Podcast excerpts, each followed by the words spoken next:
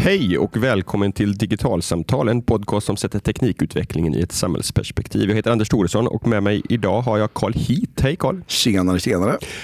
Eh, idag ska vi fånga upp ett önskemål som vi har fått in via poddens Facebook-sida. Ett önskemål om att prata om digital kompetens i relation till de reviderade styrdokument som gäller för svensk grundskola från och med höstterminen i år.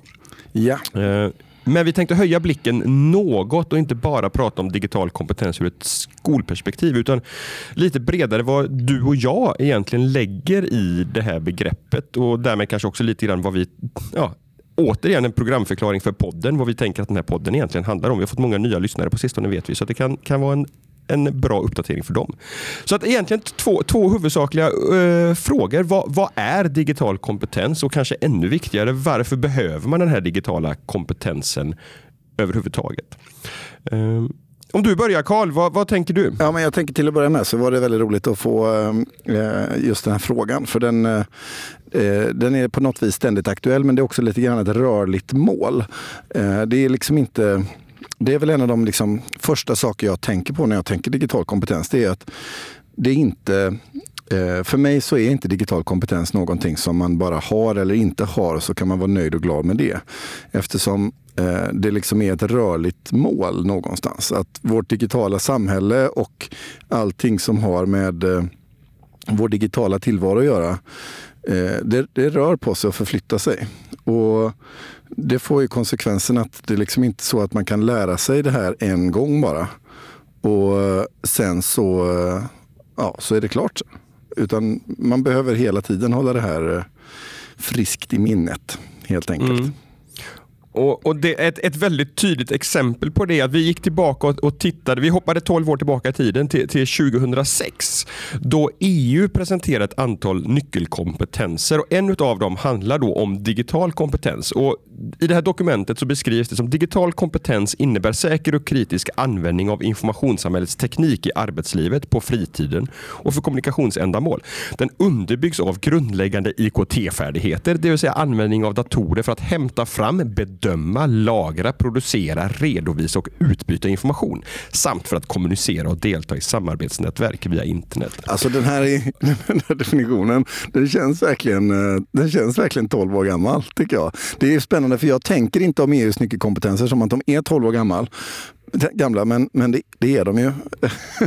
och det, det känns när man hör den här texten.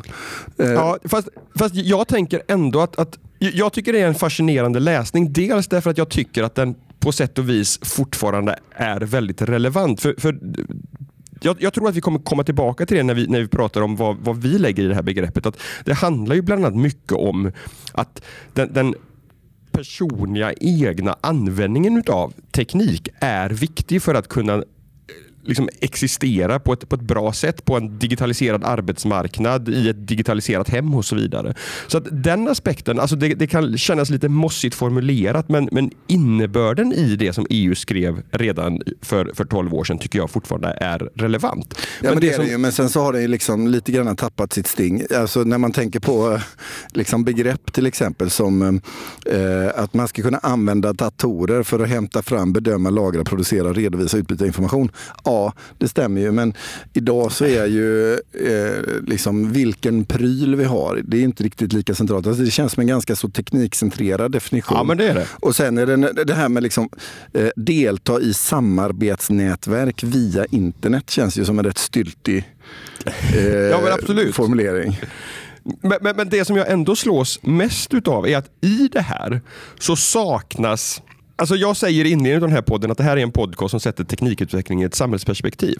Och det fanns inte med alls i den här definitionen 2006 utan där är tekniken frikopplad från samhälls Ja, den handlar ju om arbetslivet och på fritiden. Det är ju det man mm. sätter som en definition. Man lägger inte ett eh, liksom generellt samhällslager på det hela. Och det är väl någonting som, som är intressant. Alltså, eh, för, för, för min del så tror jag att eh, jag landar i att alltså även när den här definitionen togs fram här 2006 så var ju digitaliseringen en samhällsomvälvande kraft. Men det var tydligt när man läser den här nyckelkompetensen att det var inte så samhällsomvälvande att man valde att ha ett samhällsperspektiv i den så att säga, juridiska EU-texten.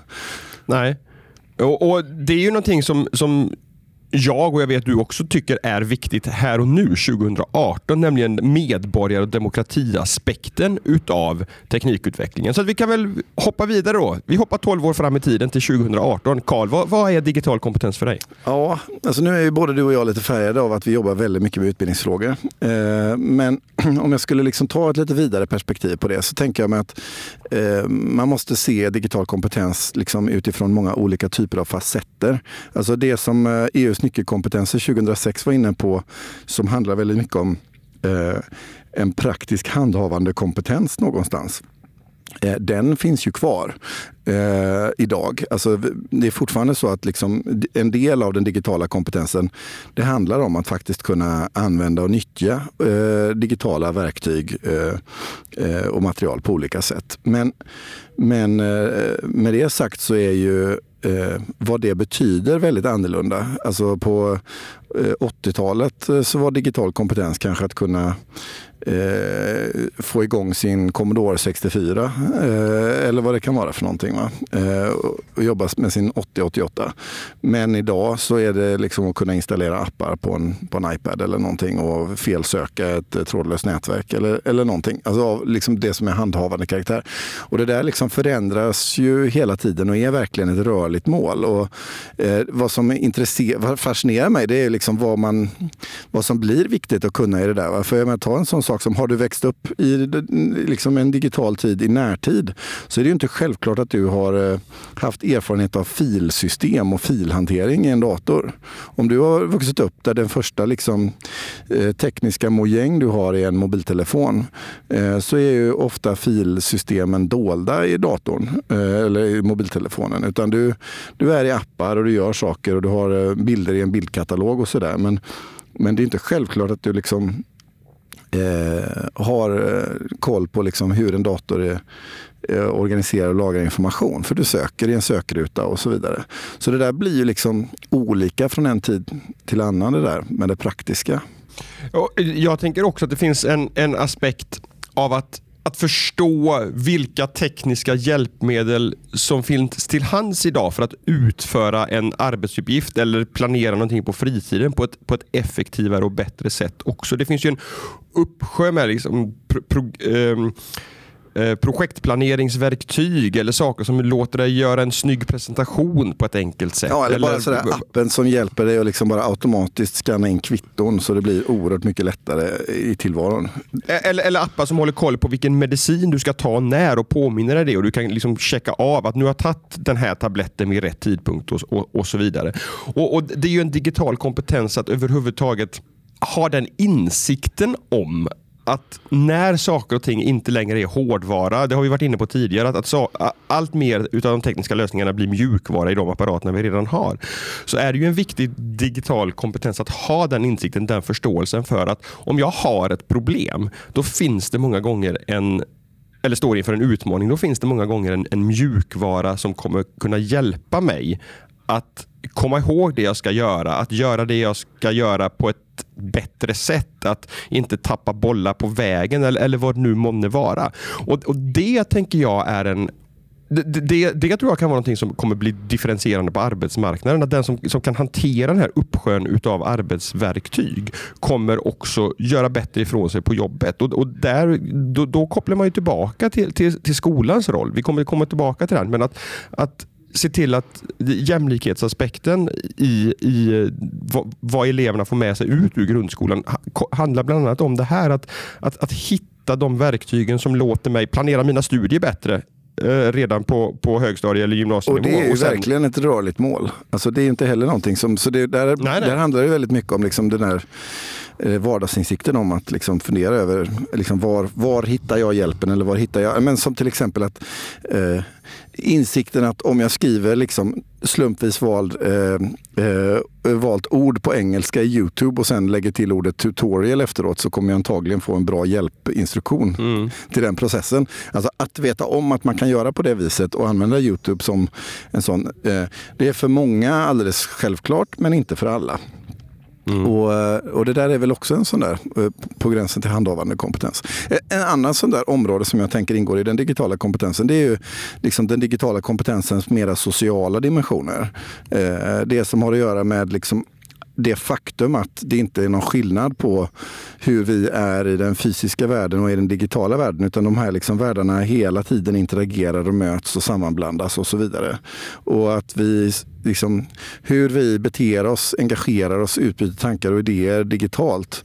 Eh, hur man liksom eh, sköter sig helt enkelt socialt i en digital kontext. Det, det på något vis eh, ingår i en, i en digital eh, grundkompetens också på något sätt. Och det är inte heller liksom eh, självklart. Det kan man se av vilken eh, nätdebatt som helst. Eh, att de tenderar att lätt eh, kunna dra iväg i, i, i, riktningar och bli ibland otrevliga. Eller näthatsfrågan till exempel.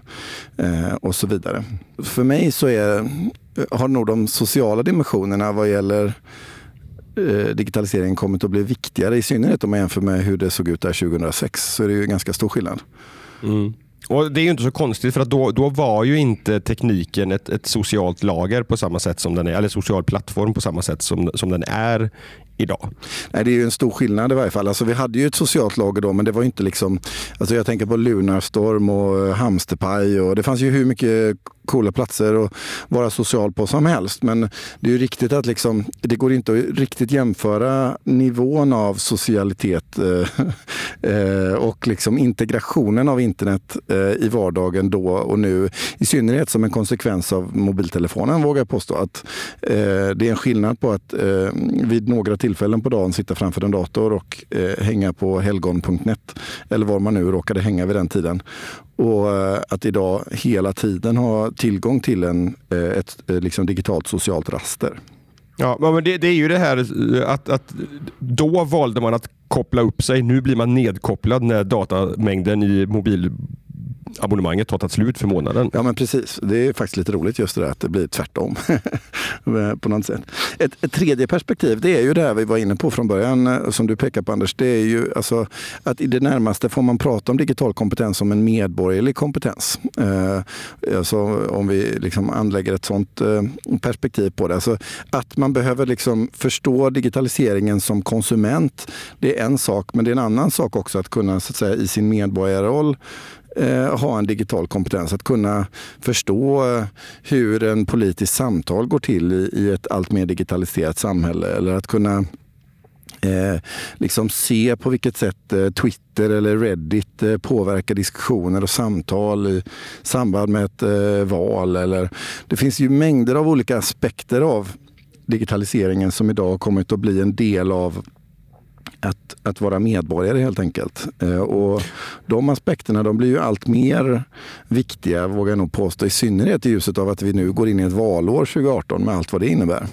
Mm, jo, men så, så är det ju med, eh, med förmågan till, till digital källkritik och det, det finns jättemånga aspekter där. Men, men, jag skulle vilja lägga till en till som, som kopplar till ett, ett medborgar och demokratiperspektiv och det är att att vi som samhälle kommer behöva fatta ett antal beslut framöver. Vi har redan gjort det, men som, som gäller hur ska teknik få lov att användas och hur ska den inte få lov att användas. Där eh, också en, en sak som händer i år är ju att GDPR, den här nya eh, dataskyddsförordningen i, eh, i Europa, träder i kraft i maj.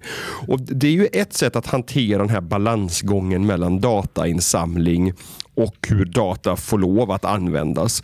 Och, och det, det, här är ju också någonting som man som, som medborgare, som individ behöver ha åtminstone en, en känsla för. Både ur den aspekten att, att eh, väldigt personligt värdera vilken information vill jag lämna ifrån mig till vem? Och är jag beredd att använda den här tjänsten på bekostnad av och, och den här nyttan är så stor så där är det okej okay och så vidare. Men också ur ett mer generellt eh, helikopterperspektiv att, att eh, liksom vilka organisationer, företag ska få lov att få göra vilka saker med vår data? Och där, är det ju, där kommer det vara politiska beslut som styr väldigt mycket vad som är, vad som är möjligt. Och därmed så är det ju i, i, i förlängningen en, en, fråga som, som alla behöver fundera på och ta ställning till.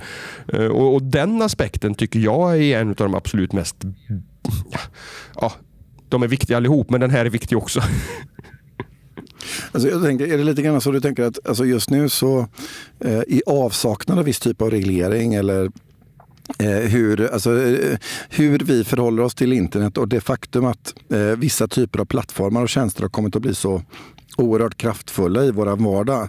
Eh, att idag så fattas många beslut av ett enskilt företag i deras egen kontext. Men att i takt med att, så att säga, eh, de här plattformarnas påverkan på vårt vardagliga liv blir större så, så att säga, eh, kommer pendelrörelsen att eh, glida över mot lagstiftning. Och att i takt med att det blir så, när vi börjar ställa frågor om Eh, hur vi gör med dataskydd eller vad det kan vara för någonting i högre grad. Att det blir viktigt för både så att säga, politik och medborgare att eh, på allvar förstå och sätta sig in i de här frågorna. Jag tänker på liksom en diskussion som känns som att den som en gummiboll kommer tillbaka titt som tätt. Ofta i samband med att det varit ett terrorattentat eller något sånt där. Det är ju eh, eh, övervaknings lagstiftning av olika slag att kunna ha bakdörrar till eh, kryptering. Och vi har pratat om det många gånger här. att Det liksom uppstår en eh, eh, eh debatt eh, allt eh, som ofta där ofta en politiker går ut och säger att Nej, men vi måste ju kunna ha en bakdörr. Det är helt omöjligt att kunna eh, låta det fortgå som det gör. Och sen så sitter eh, säkerhetscommunityt och säger liksom att en bakdörr det är i praktiken att låsa upp hela tjänsten. Och det här handlar om matte och så vidare. Och att det finns en så att säga kunskaps och informationsdiskrepans mellan politik och eh, fackexpertisen i det här fallet kring eh, vad som går att göra och inte. Och att liksom en del av den här medborgerliga kompetensen handlar om att vi medborgare ska kunna ställa krav på eh, vår politik till att fatta liksom beslut baserade på eh, god kunskap men också att våra politik i sig själva har skapat och format tillräckligt med kunskap för att faktiskt kunna fatta rimliga beslut. Ja, ja men precis. Och att, och att det, det, där med att, att vi har politiker som, som har den här digitala kompetensen som vi, som vi pratar om, det, det kommer ju vara jätteviktigt därför att vi har just nu Alltså jag tänker inte bara på det utifrån de, de jättarna som, som du har, har i åtanke här utan också vad tekniken överhuvudtaget kommer göra möjligt. Vi har, vi har sett exempel på amerikanska forskare som utifrån bildanalys på Instagram kan, kan eh, kan avgöra om en person verkar vara deprimerad eller inte genom att göra bildanalys och, och, och så vidare. Och det, det, är en teknisk utveckling som kommer. Vi kan inte hindra den.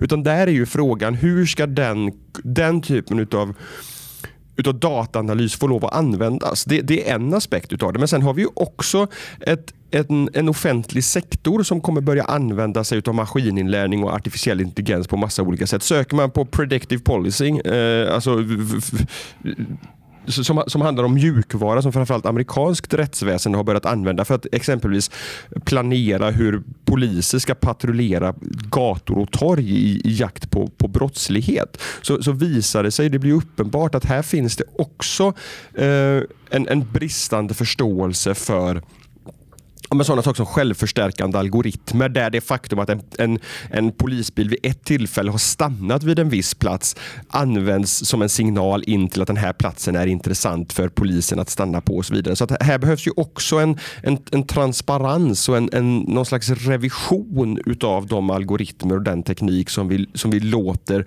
både företag och det offentliga använda tror jag på något sätt. Jag har ingen aning om, ingen idé här och nu om hur det ska se ut. Men, men att man inte släpper tyglarna helt fria för vad som är möjligt. Och andra sidan så har vi också sett exempel på där man med dataanalys tidigt kan, kan hitta samband mellan, mellan sökningar på internet och eventuella cancerdiagnoser och så vidare. Så att där, där det liksom den privata informationen används till otrolig samhällsnytta och individuell nytta också. Så att Den här balansgången, jag återkommer till den ganska ofta eh, just nu. Det är något som jag tänker mycket på. Den här balansgången mellan den personliga integriteten och samhällsnyttan tror jag är en, en Ja, det, är en, eh, alltså det kanske inte är en digital grundkompetens direkt, men i förlängningen så är det en, en, en, kompetens vi behöver ha för att vara med i det samtalet. Att fundera på teknikens möjligheter och risker.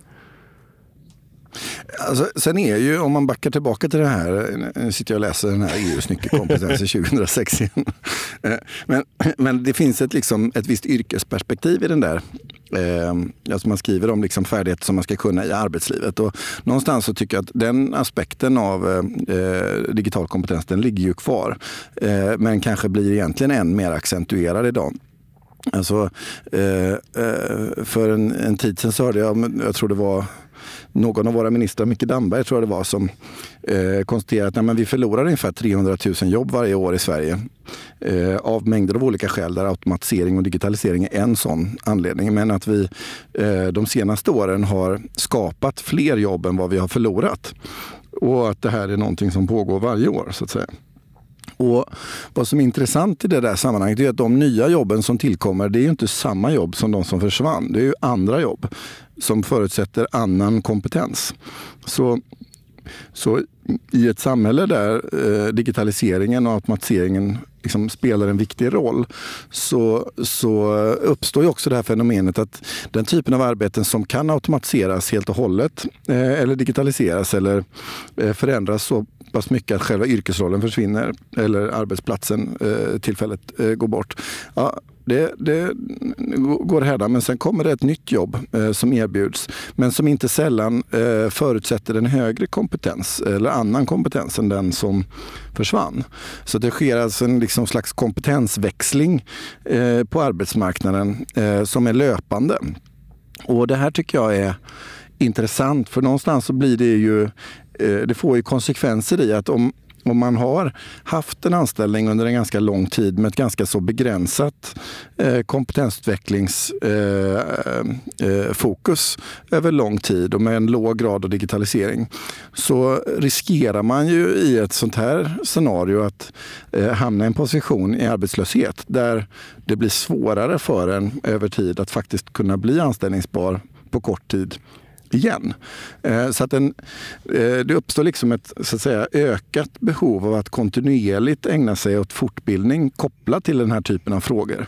Eh, att det inte är liksom en insats som man gör bara en gång, pam bom och så är man klar. Utan att eftersom det är ett rörligt mål så så kräver det här att, så att säga, arbetslivet är på tå för att se till att ha en personal som kan möta de här förändringarna och omställningarna som, som vi står inför. Eh, eh jag, jag, har skrivit, eh, eh, jag har en ny uppdragsgivare som jag skriver mycket om HR-frågor för. Eh, och, och, Där ser man ju liksom ute i, i företag, framförallt lite större organisationer, så är just det här som, som du... Man, man pratar ju om, om ett livslångt lärare och lärande och de här aspekterna. Och, och Jag upplever att det ganska ofta är kopplat just till teknikutveckling. Att saker och ting förändras otroligt fort just nu. Att de kompetenserna som, som är de, de förmågorna förmågorna och, och, färdigheterna som du behöver för att utföra ett jobb förändras i så stor trakt. Så att här finns ju en hel uppsjö med idéer och tankar om, om hur den här...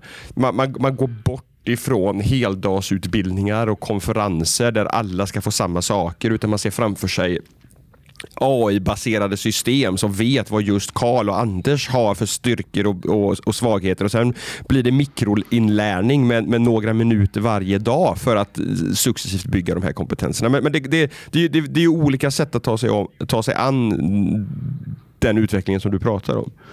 Ja, men jag tror att jag tror att just hela det perspektivet, alltså det medvetna företaget eller arbetsgivaren som, som ser eh, det här har ju en möjlighet att, så att säga, kunna rusta sin personal och kunna rida igenom en, en digitalisering och förändring eh, som pågår och kunna möta nya utmaningar på ett annat sätt än ett eh, bolag som inte ser att liksom, eh, förändrings och utvecklingstakten är så pass hög att eh, man tänker att nej, men jag sparar och klipper in på de här sakerna för nu går det som tåget. Och sen så helt plötsligt uppstår ett stup där man där man står inför en, en väldigt ny och annorlunda situation. Så jag tror att just den här liksom digitala kompetensen kopplat till yrkeslivet eh, och, och vad det är att vara anställningsbar, den är fortsatt viktig. Och den var det 2006 och den är det fortfarande. Och det finns ju inget som talar tror jag för att det inte kommer fortsätta att vara så. Utan eh, tvärtom att Eh, just den här typen av eh, liksom kontinuerlig fortbildning, och kompetensutveckling, det är eh, exceptionellt viktigt. Och där är det ju, kan man ju krasst landa i, där är ju liksom våra system i Sverige och internationellt inte riktigt designade för att möta den här förändringen. Det ligger idag ett stort ansvar såklart på den enskilda arbetsgivaren att tillhandahålla fortbildning för sin personal. Något annat vore ju liksom märkligt. Men tittar vi på liksom vad stat och kommun gör när det kommer till det livslånga lärandet så är det ändå, tycker jag, anmärkningsvärt att notera att vi fortfarande har en, en enormt kraftig tyngdpunkt på att vi utbildar människor i den allra första början av människors liv. Eh, och sen börjar de eh, normalt sett arbeta där vid 25, 26, 27 års ålder. Och så jobbar man och sen med lite längre liv som vi har så kanske vi jobbar till 75 eller 80 eller någonting vi 70-talister. Och och det innebär att vi kommer att ha ett långt yrkesliv med en enormt hög förändringshastighet. Och, och, och hela liksom modellen att vi med våra liksom skattekronor eh, ska primärt fokusera på att fortbilda eller utbilda människor initialt i deras liv, den blir ju allt mer eh, märklig kan jag känna. Alltså att vi behöver någonstans, liksom om man tittar på akademin universiteten så är liksom deras incitamentsmodeller för hur de Eh, tillhandahåller utbildning, de bygger ju på idén om att deras kund eh, som kommer till eh, universitetet är 20 år gammal och arbetslös och kan vika fem år av utbildning. Eh, är du liksom i arbetslivet och 40 så är det inte lika enkelt eh, att gå en liksom, 30 eh, poängskurs eh, en termin eh, på helfart eller ens halvfart. Och även om man har distansutbildning så är ofta liksom designen och modellerna på akademisk utbildning inte i paritet med de krav och behov som man kan finna i näringslivet. Så här tror jag våra liksom system vad gäller just eh, möjligheten till att liksom upprätthålla en hög yrkeskompetens vad gäller digitalisering behöver verkligen liksom få sig en rejäl omskruvning så att vi utnyttjar de liksom kompetensresurser vi har i samhället på bästa möjliga sätt för alla under, under hela deras livslängd. Eh, frågan som vi fick på, på vår Facebook-sida det handlade ju om eh, digital kompetens i, i relation till, till skolan. Och som jag sa inledningsvis så får ju skolan eh, reviderade styrdokument från och med höstterminen. Och I, i eh, kapitel 1 som handlar om skolans uppdrag så går det att läsa att skolan ska bidra till att eleverna utvecklar förståelse för hur digitaliseringen påverkar individen och samhällets utveckling. Alla elever ska ges möjlighet att utveckla sin förmåga att använda digital teknik. De ska även ges möjlighet att utveckla ett kritiskt och ansvarsfullt förhållningssätt till digital teknik för att kunna se möjligheter och förstå risker samt kunna värdera information. Utbildningen ska därigenom ge eleverna förutsättningar att utveckla digital kompetens och ett förhållningssätt som främjar entreprenörskap.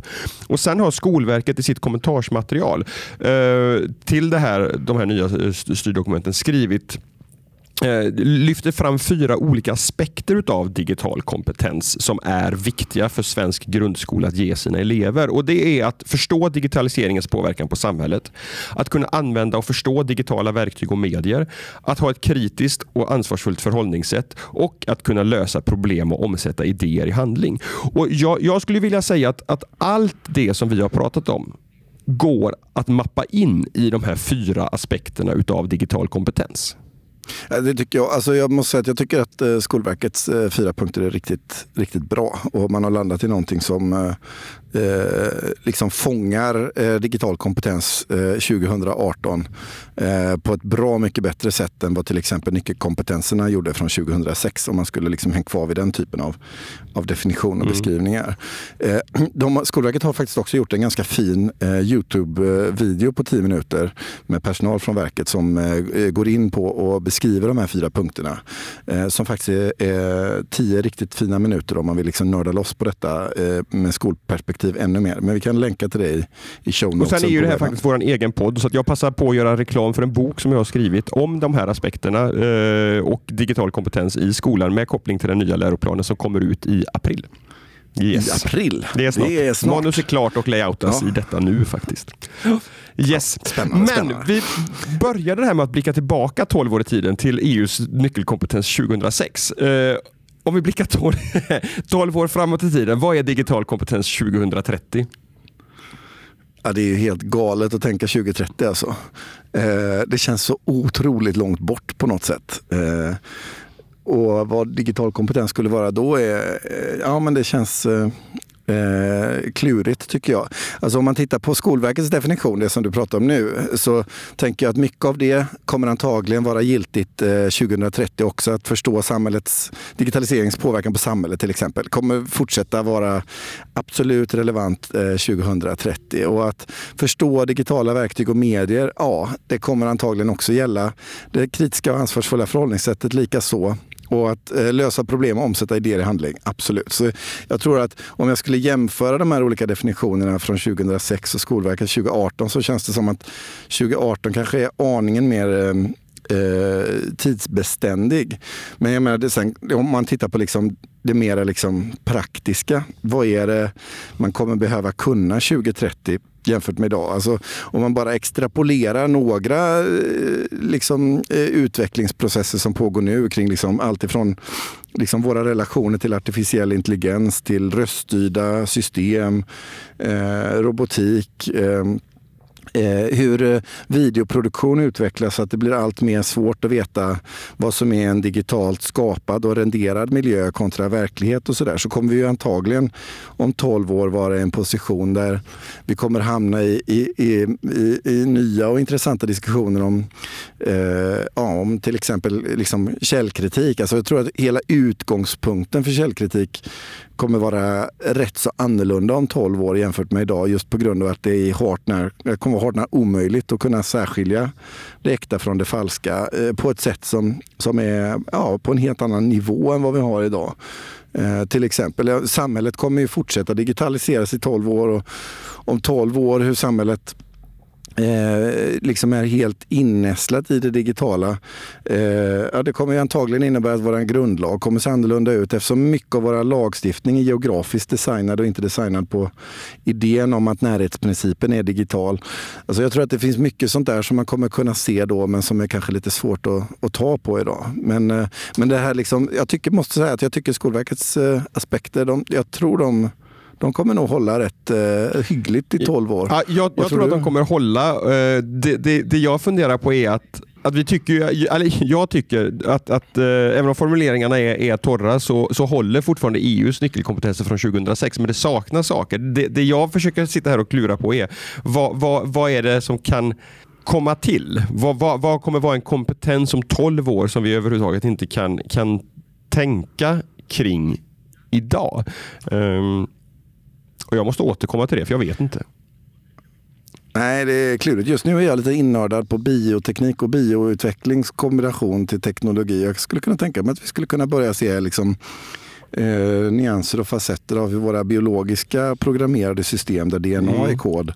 Eh, och mötet med den digitala tekniken har kommit att bli allt mer vanligt eh, och nära eh, också slutkonsumenten i olika avseenden och sådär. Att vi kommer hamna i nya och andra utmanande situationer kring som vad är relationen mellan liksom, eh, biologiska blöta system och digitala torra system. Eh, det kanske skulle kunna vara en sån där mm. kluring. Men, vi, så här, eh, 12 år fram i tiden, då är vi på ungefär avsnitt 740 utav digitalsamtal, så att vi återkommer då helt enkelt. Mm, du kan väl sätta en påminnelse i telefonen. Det blir bra. Men med mm. det så tackar vi för detta avsnitt av Digitalsamtal som sändes alltså 2018. Eh, surfa gärna iväg till vår Facebook, till Facebook och gilla vår sida där och eh, kom gärna med förslag på vad ni tycker att vi ska prata om och jättegärna personer som är intressanta att ha med som gäster. Eh, vi finns också, både Karl och jag, i Facebookgruppen Digital samhällskunskap där vi bland annat diskuterar de avsnitten som vi publicerar men också väldigt, väldigt, väldigt, väldigt väldigt mycket annat intressant. Och har ni en fråga till oss så tveka inte att höra av er. Vi finns på Twitter som digitalsamtal och på mail som podcast digitalsamtal.se. Och jättegärna en recension och förhoppningsvis ett högt betyg på typ iTunes. Men med det, tack för den här veckan. Vi hörs igen om sju dygn.